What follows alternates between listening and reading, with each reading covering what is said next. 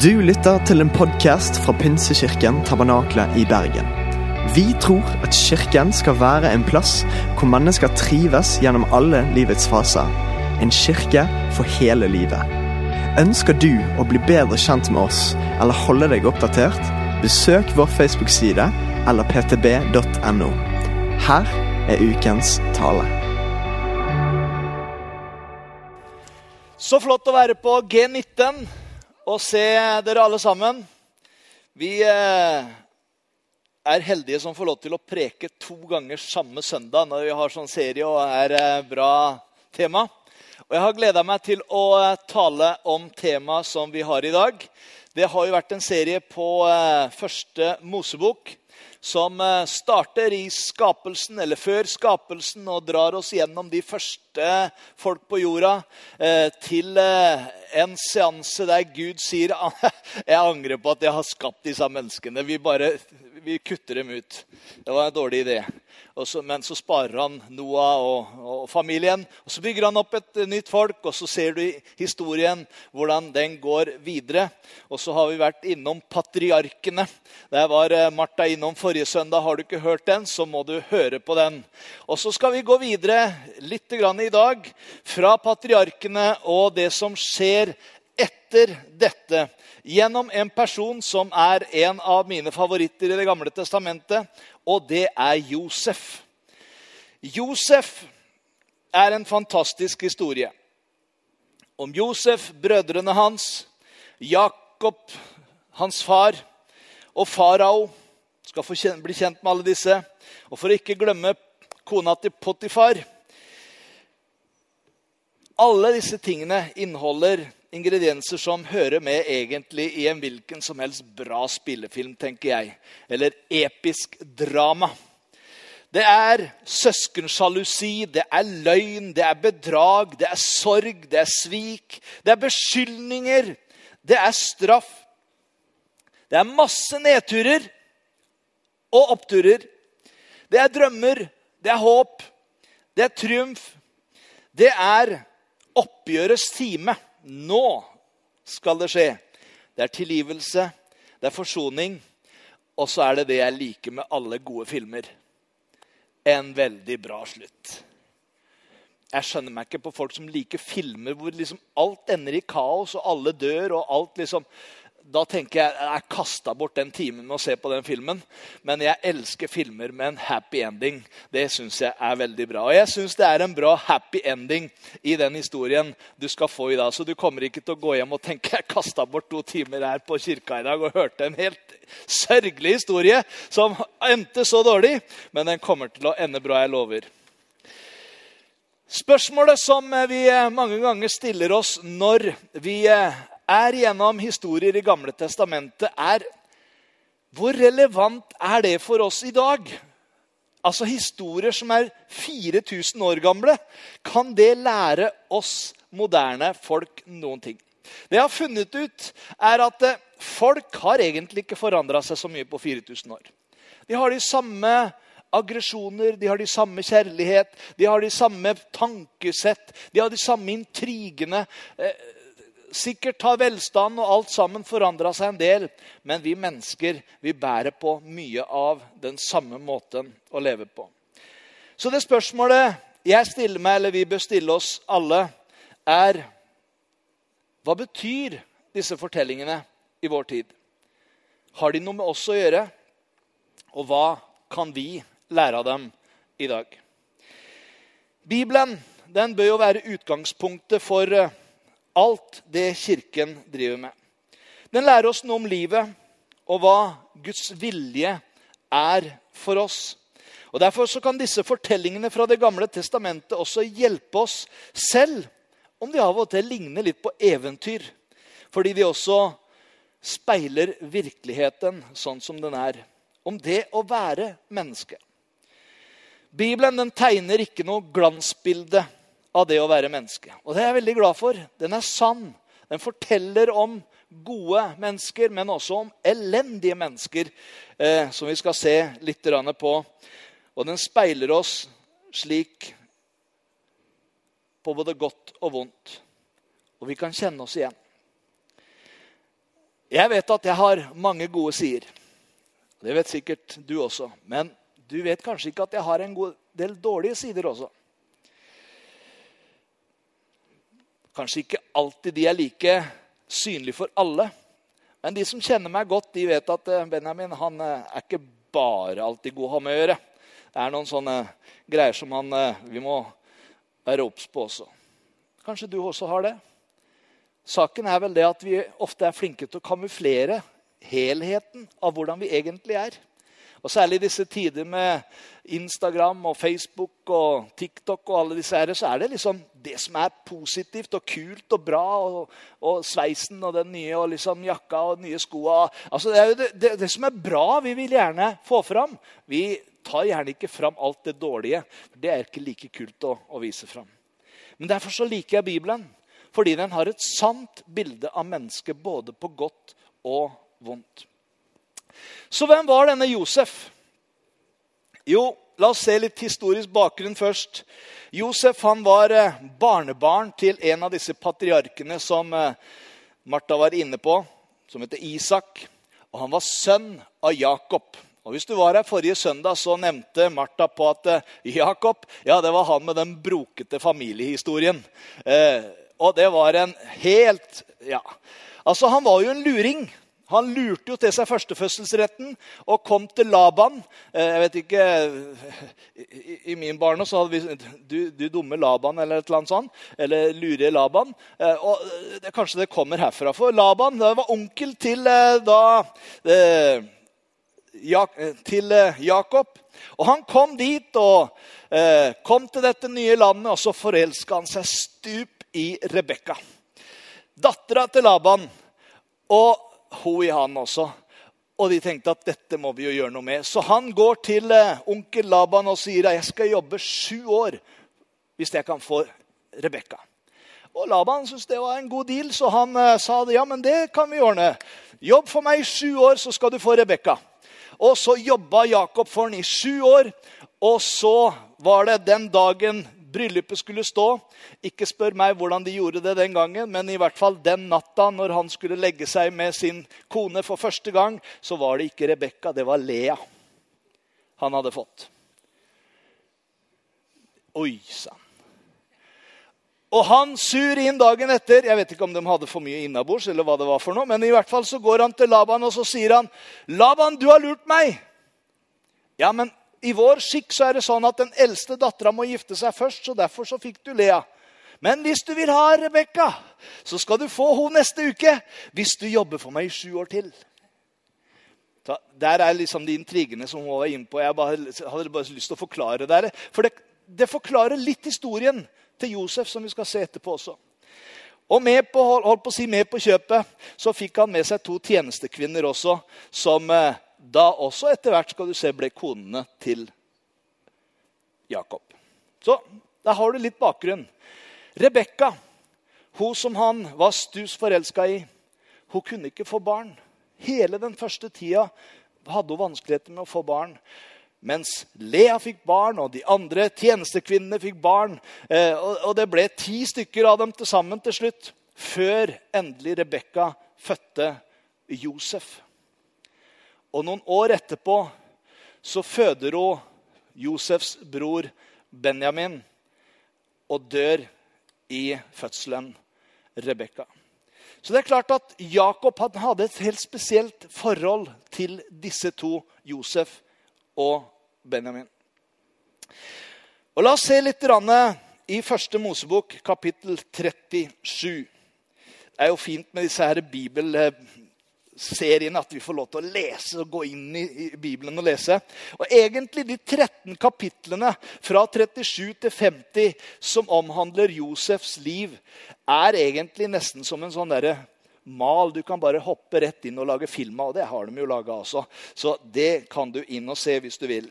Det står der fra vers 1 i kapittel 37. Jakob ble boende i Kanaan, det landet faren hans hadde bodd i som innflytter. Dette er Jakobs slektshistorie. Da Josef var 17 år, gjette han småfe sammen med brødrene sine. Og Som ung gutt var han sammen med sønnene til Bilba og Silpa. Det var de to tjenestekvinnene til Lea og Rakel. Farens koner. Og alt det onde han hørte om dem, gikk han til faren med. Israel elsket Josef. Nå må jeg forklare en liten sånn parentes her. Hvorfor står det Israel her og ikke Jakob? Hvis du har lest historien før, så vil du se at eh, Jakob han kjempet med Gud. Eh, for Han gikk jo liksom for å være en luring. Eh, og så ser du der i historien at han kjempa med Gud. Og så spør Gud han, 'Hva er ditt navn?' Jakob. Og Jakob betyr luring.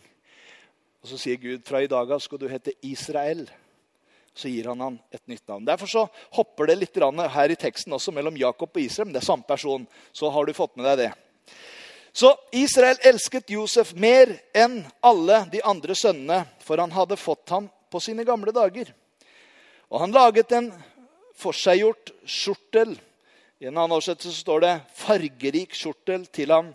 Men da brødrene så at faren elsket ham mer enn alle de andre, la de ham for hat og kunne ikke si et vennlig ord til ham. En gang hadde Josef en drøm. Og Han fortalte den til brødrene sine. Det er egentlig veldig dumt å fortelle om drømmene sine til brødrene sine. Fordi da hatet de ham enda mer. Og han sa til dem, 'Hør hva jeg har drømt.' Se, vi var i en åker og bandt kornbånd. Og kornbåndet mitt reiste seg og ble stående, mens kornbåndene deres samlet seg omkring mitt og bøyde seg for det. Da sa brødrene til ham, 'Skal du være konge over oss? Skal du herske over oss?' Så hatet de ham enda mer for drømmene hans og for det han sa. Josef hadde enda en drøm og fortalte den til brødrene sine.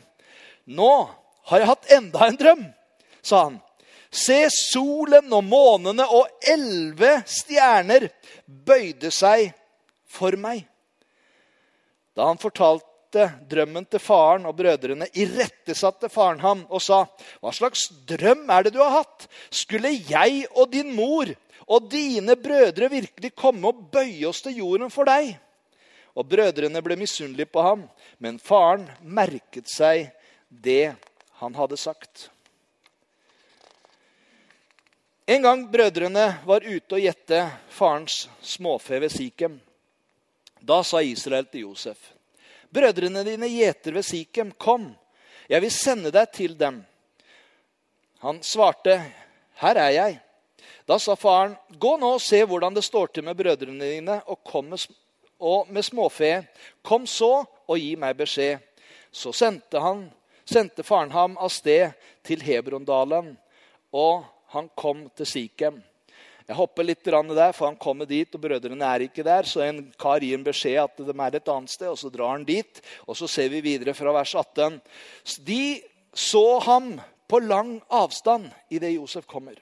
Og før han kom fram, la de planer om å ta livet av ham.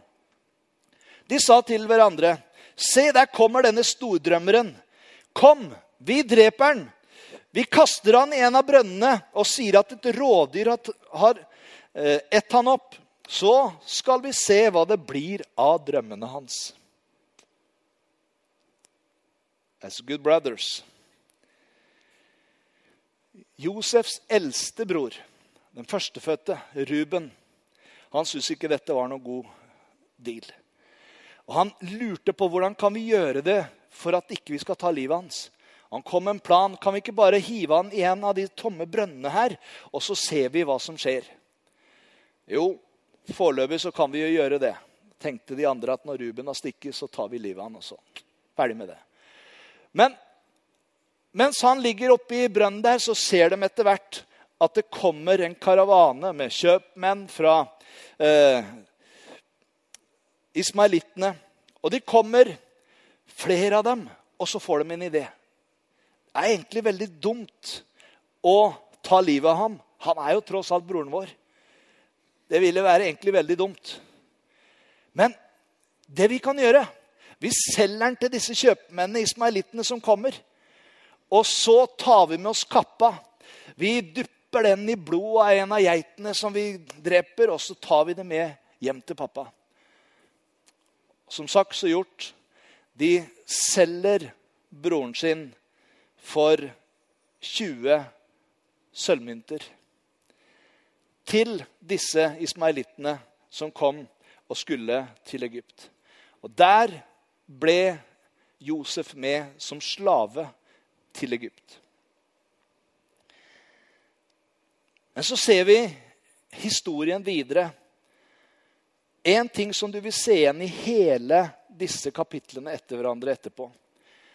Og Gud var med Josef. Og Gud var med Josef. Og Jeg har lyst til at du skal lytte litt i dag. Tenke spesielt i det gruppa vi er sammen nå. Mange ganger så har du kanskje hatt drømmer om livet ditt. Drømmer om hva livet ditt skal bli. Kanskje du allerede som barn eller tenåring så hadde du liksom noen drømmer. Det her er det jeg skal bli. Og så har du vokst opp, og så kjenner du liksom Ja, men de drømmene jeg hadde, det, det, har liksom ikke blitt virkelig. Heller har det gått en helt annen vei. Kanskje blitt vanskeligheter. Du, du kom ikke inn på de studiene du ønska, eller fikk ikke gjort det du skulle gjøre. Og så kan du bli nedtrykt og tenke at Hvor ble det av Gud?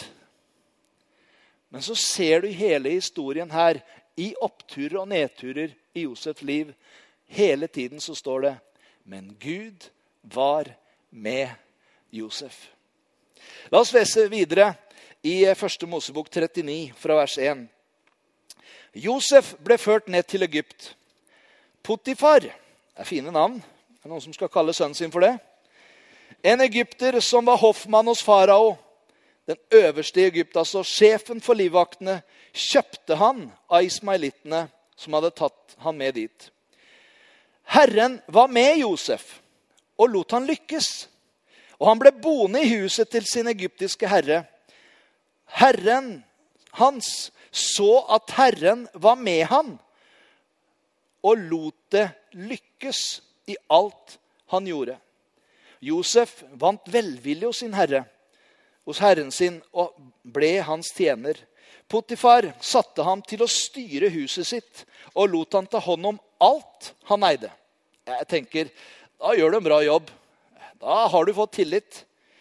Og fra den tid egypteren satte han over sitt hus og alt han eide, så velsignet Herren hans hus på grunn av Josef.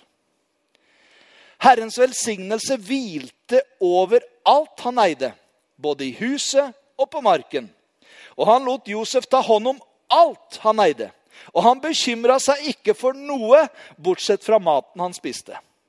Da tenker jeg, da har du ikke mye bekymringer. Josef tar seg av det. Josef var velskapt og vakker. Han har vært sånn som meg omtrent, tenker jeg. En tid etter så hendte det at kona kastet øynene på ham. 'Ligg med meg', sa hun. Men han ville ikke og sa til henne, 'Se, min herre trenger ikke å bekymre seg for noe i huset.' Han har latt meg ta hånd om alt. Han er ikke større i dette huset enn jeg. Jeg har ikke Han har ikke nektet meg noe unntatt deg, for du er hans kone. Hvordan skulle jeg kunne gjøre noe så ondt og synde mot Gud? Så jeg sier ikke først å synde mot min herre eller mot deg eller mot meg sjøl. Nei, han skjønte at dette var ikke Guds vilje, og det ville være å synde mot Gud. Hun snakket til Josef dag etter dag, men han hørte ikke på henne og ville, og ville, ikke, og, eh, og ville ikke ligge med henne eller være sammen med henne. Så hendte det en dag at han kom inn i huset for å gjøre arbeidet sitt. Ingen i husets folk var inne. Så grep hun fatt i kappen hans og sa, 'Ligg med meg!' Men han rømte ut av huset og lot kappen bli liggende igjen i hendene hennes. Da hun så at han lot kappen bli igjen i hendene hennes, og selv rømte, ropte hun på husets folk og sa, 'Se! Mannen min har tatt inn i huset en hebreer som gjør oss til latter.' Han kom til meg og ville ligge med meg, men jeg ropte så høyt jeg kunne. Og da han hørte at jeg satte i å rope, lot han kappen være igjen hos meg og rømte ut. Så tok hun vare på kappen til herren hans kom hjem, og hun fortalte ham den samme historien. Den hebraiske slaven som du har tatt inn til oss, kom til meg og ville gjøre meg til latter. Men da satte jeg i å rope, og han lot kappen være igjen hos meg og rømte ut. Josefs herre ble brennende harm da han hørte hva hans kone fortalte. Her er intriger, altså. Dette har slaven din gjort mot meg, sa hun. Og hun tok Josef og satte ham i fengsel, han tok Josef og satte ham i fengsel, der kongens fanger satt lenket. Og han ble sittende der i fengselet. Men så står det igjen så fantastisk. Men Herren var med Josef og viste ham godhet. Og han lot ham finne godvilje hos fengselsbestyreren. Han lot Josef ta hånd om alle fangene i fengselet og alt som skulle gjøres der. Og bestyreren selv hadde ikke tilsyn med noe av det Josef hadde fått tatt hånd om. For Herren var med Josef, for Herren lot alt han gjorde, lykkes. Tenk på det. Kommer til Potifars hus, der har han ansvar for alt sammen. Kommer han i fengsel som fange, og så ender han opp med å holde på å si, bli bestyrer på, som egen fange der inne. Og tar hånd om alt sammen. Og der i fengselet der sitter det to andre fanger. De hadde nettopp kommet ned der. De var faraos ansatte. Den ene var baker, den andre var munnskjenk, eller hovmester, vil vi kalle det. Men det var han som på en måte skulle teste vinen, så ikke farao skulle bli drikke noe som var giftig. og sånn. Så de skulle alltid sjekke drikken først, og så skulle de servere farao etterpå. Så Hvis det var noen som døde, så døde jo dem først, og ikke farao. Så det var jobben hans eh, å være det. Men eh, de hadde gjort en dårlig jobb, og så hadde han farao endt med å sende dem i fengsel. Eh, og i fengsel så har de begge to en drøm. De drømmer om at eh, ja, om noen trær og bærbusker og altså alt mulig greier. Og, og lurer på hva er dette for noe. Og Josef han tyder drømmene deres helt til punkt og prikke. I den grad at det gikk i oppfyllelse for dem begge to. Tre dager etterpå så må bakeren bøte med livet, men munnskjenken får jobben tilbake på bursdagen til farao og kommer opp igjen og får jobben tilbake. Og dette så Josef i fikk åpenbaring om hva disse hadde drømt. Josef, når han munnskjenken skal opp igjen, så sier han, 'Ikke glem meg, da. Jeg sitter her, jeg òg.' Husk på, Si det til farao at det var jeg som viste hvordan denne drømmen var. Men når munnskjenken kom opp og fikk jobben igjen, så glemte han hele Josef og fengselet og alt som var. To år skulle det gå. Og så har farao en drøm. Han har to drømmer, han også. Da først husker hovmesteren at Josef hadde tyda hans drømmer.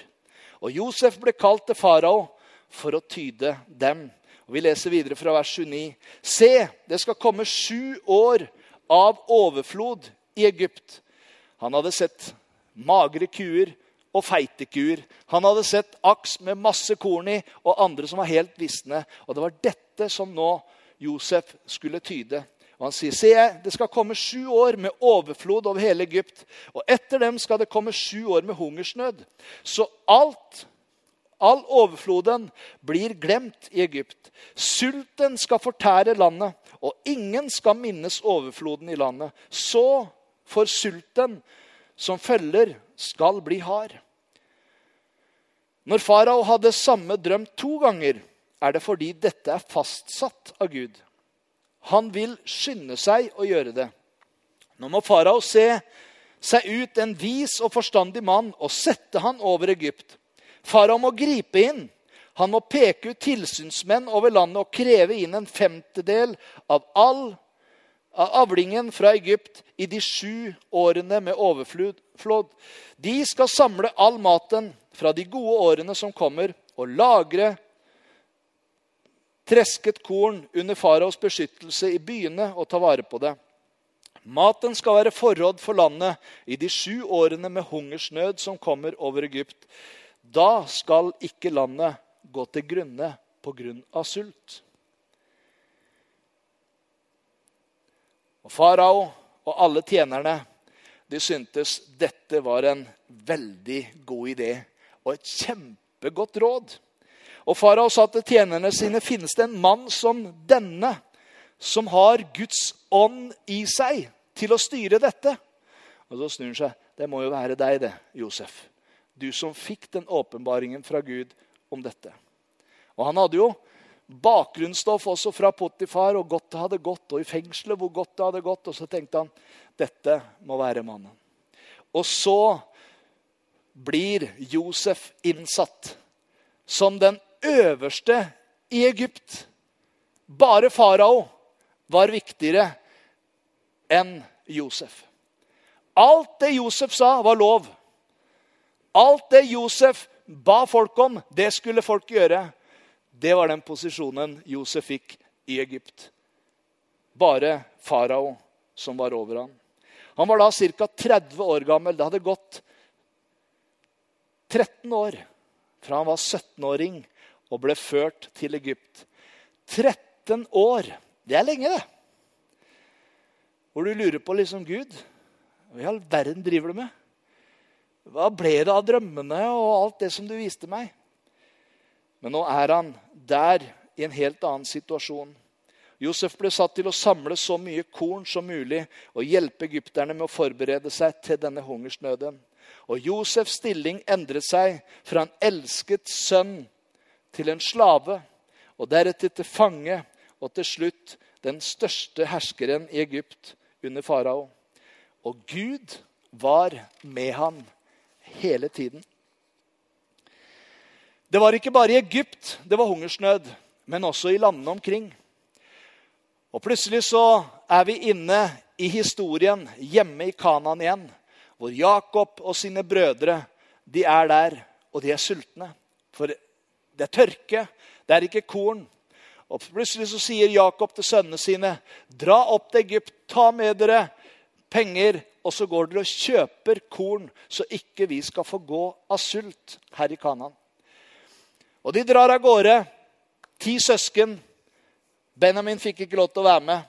Han var nok ikke 18 år ennå. Han var, han var liksom gullklumpen til pappa, så han kunne jo ikke være med. Så de andre drar av gårde for å kjøpe korn. Og det er en fantastisk historie.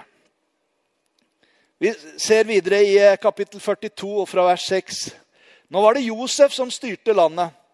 Og det var han som solgte korn til folket. Og Josefs brødre kom, og legg merke til hva de gjør, kastet seg ned for ham med ansiktet mot jorden. Da Josef så brødrene sine, kjente han dem igjen, men han lot som at han ikke kjente dem. Han talte strengt til dem. Kom, hvor kommer dere fra? De svarte, vi kommer fra landet Kanan for å kjøpe mat. Josef kjente igjen brødrene sine, men de kjente ikke han. Han husket drømmene han hadde hatt om dem. Nå er det rart. Der bøyer de seg foran, og så plutselig tenker jeg var ikke dette her er noe jeg drømte om da jeg var 17-åring.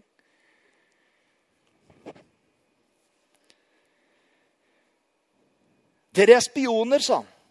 Dere kommer for å se hvor landet ligger åpent. Nei, herre, svarte de. Dine tjenere er kommet for å kjøpe mat.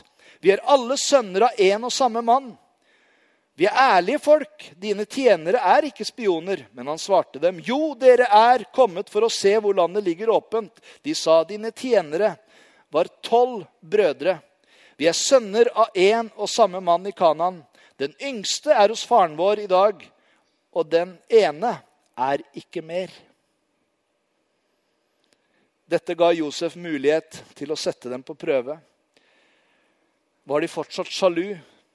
Var de fortsatt slemme, eller hadde de forandra seg med årene?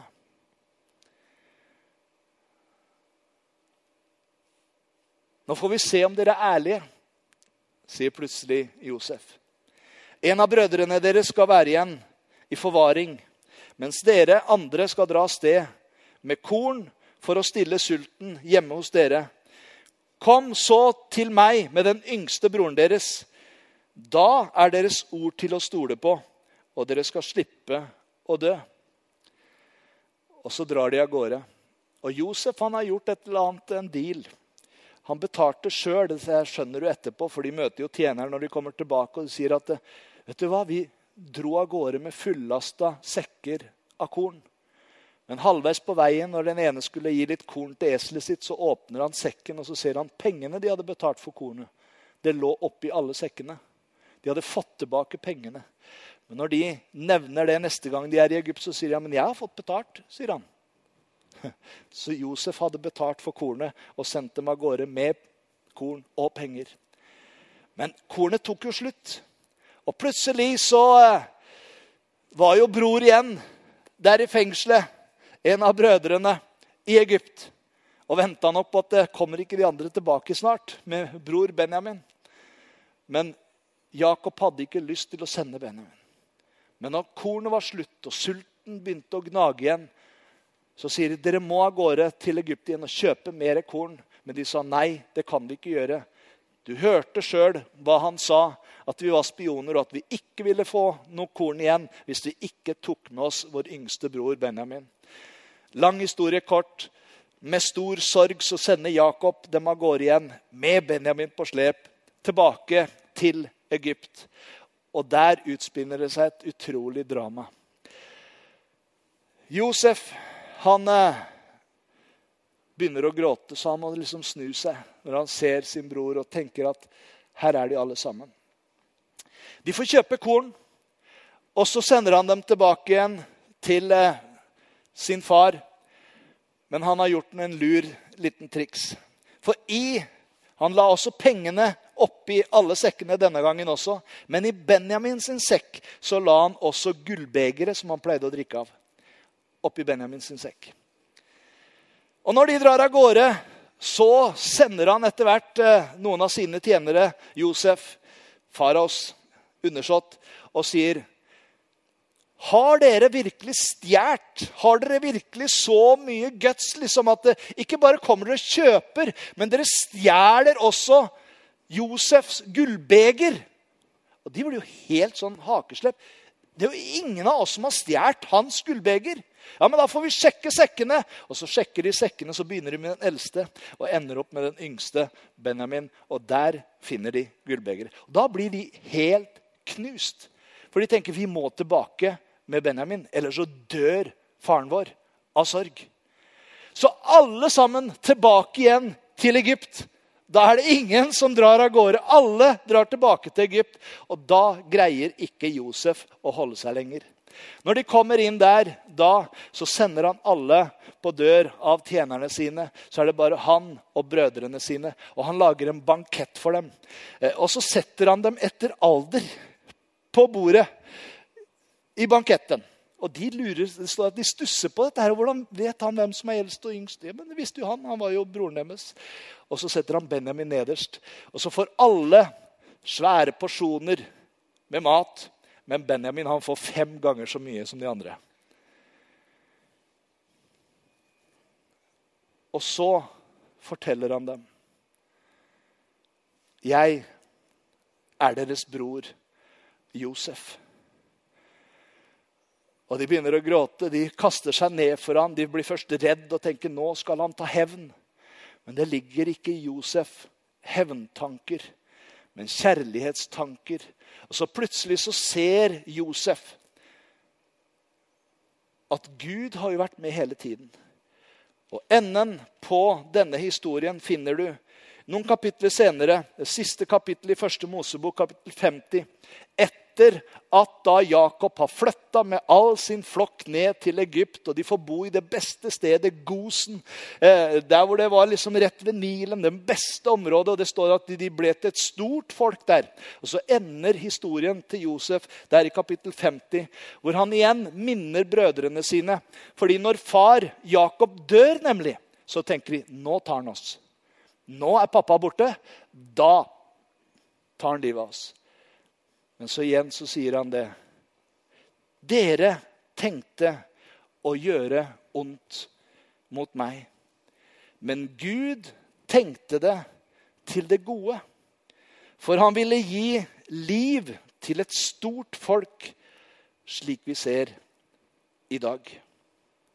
Og så fikk Josef være redningsmann for ikke bare sin familie, men for hele Egypt og for alle landene omkring pga. den visdom Gud la i denne unge 17-åringen, som ikke hadde all verdens kunnskap da når han begynte denne vandringen. Men etter hvert på veien så fikk han se hvordan Gud leda han og var med hele tiden. Josefs drømmer gikk i oppfyllelse.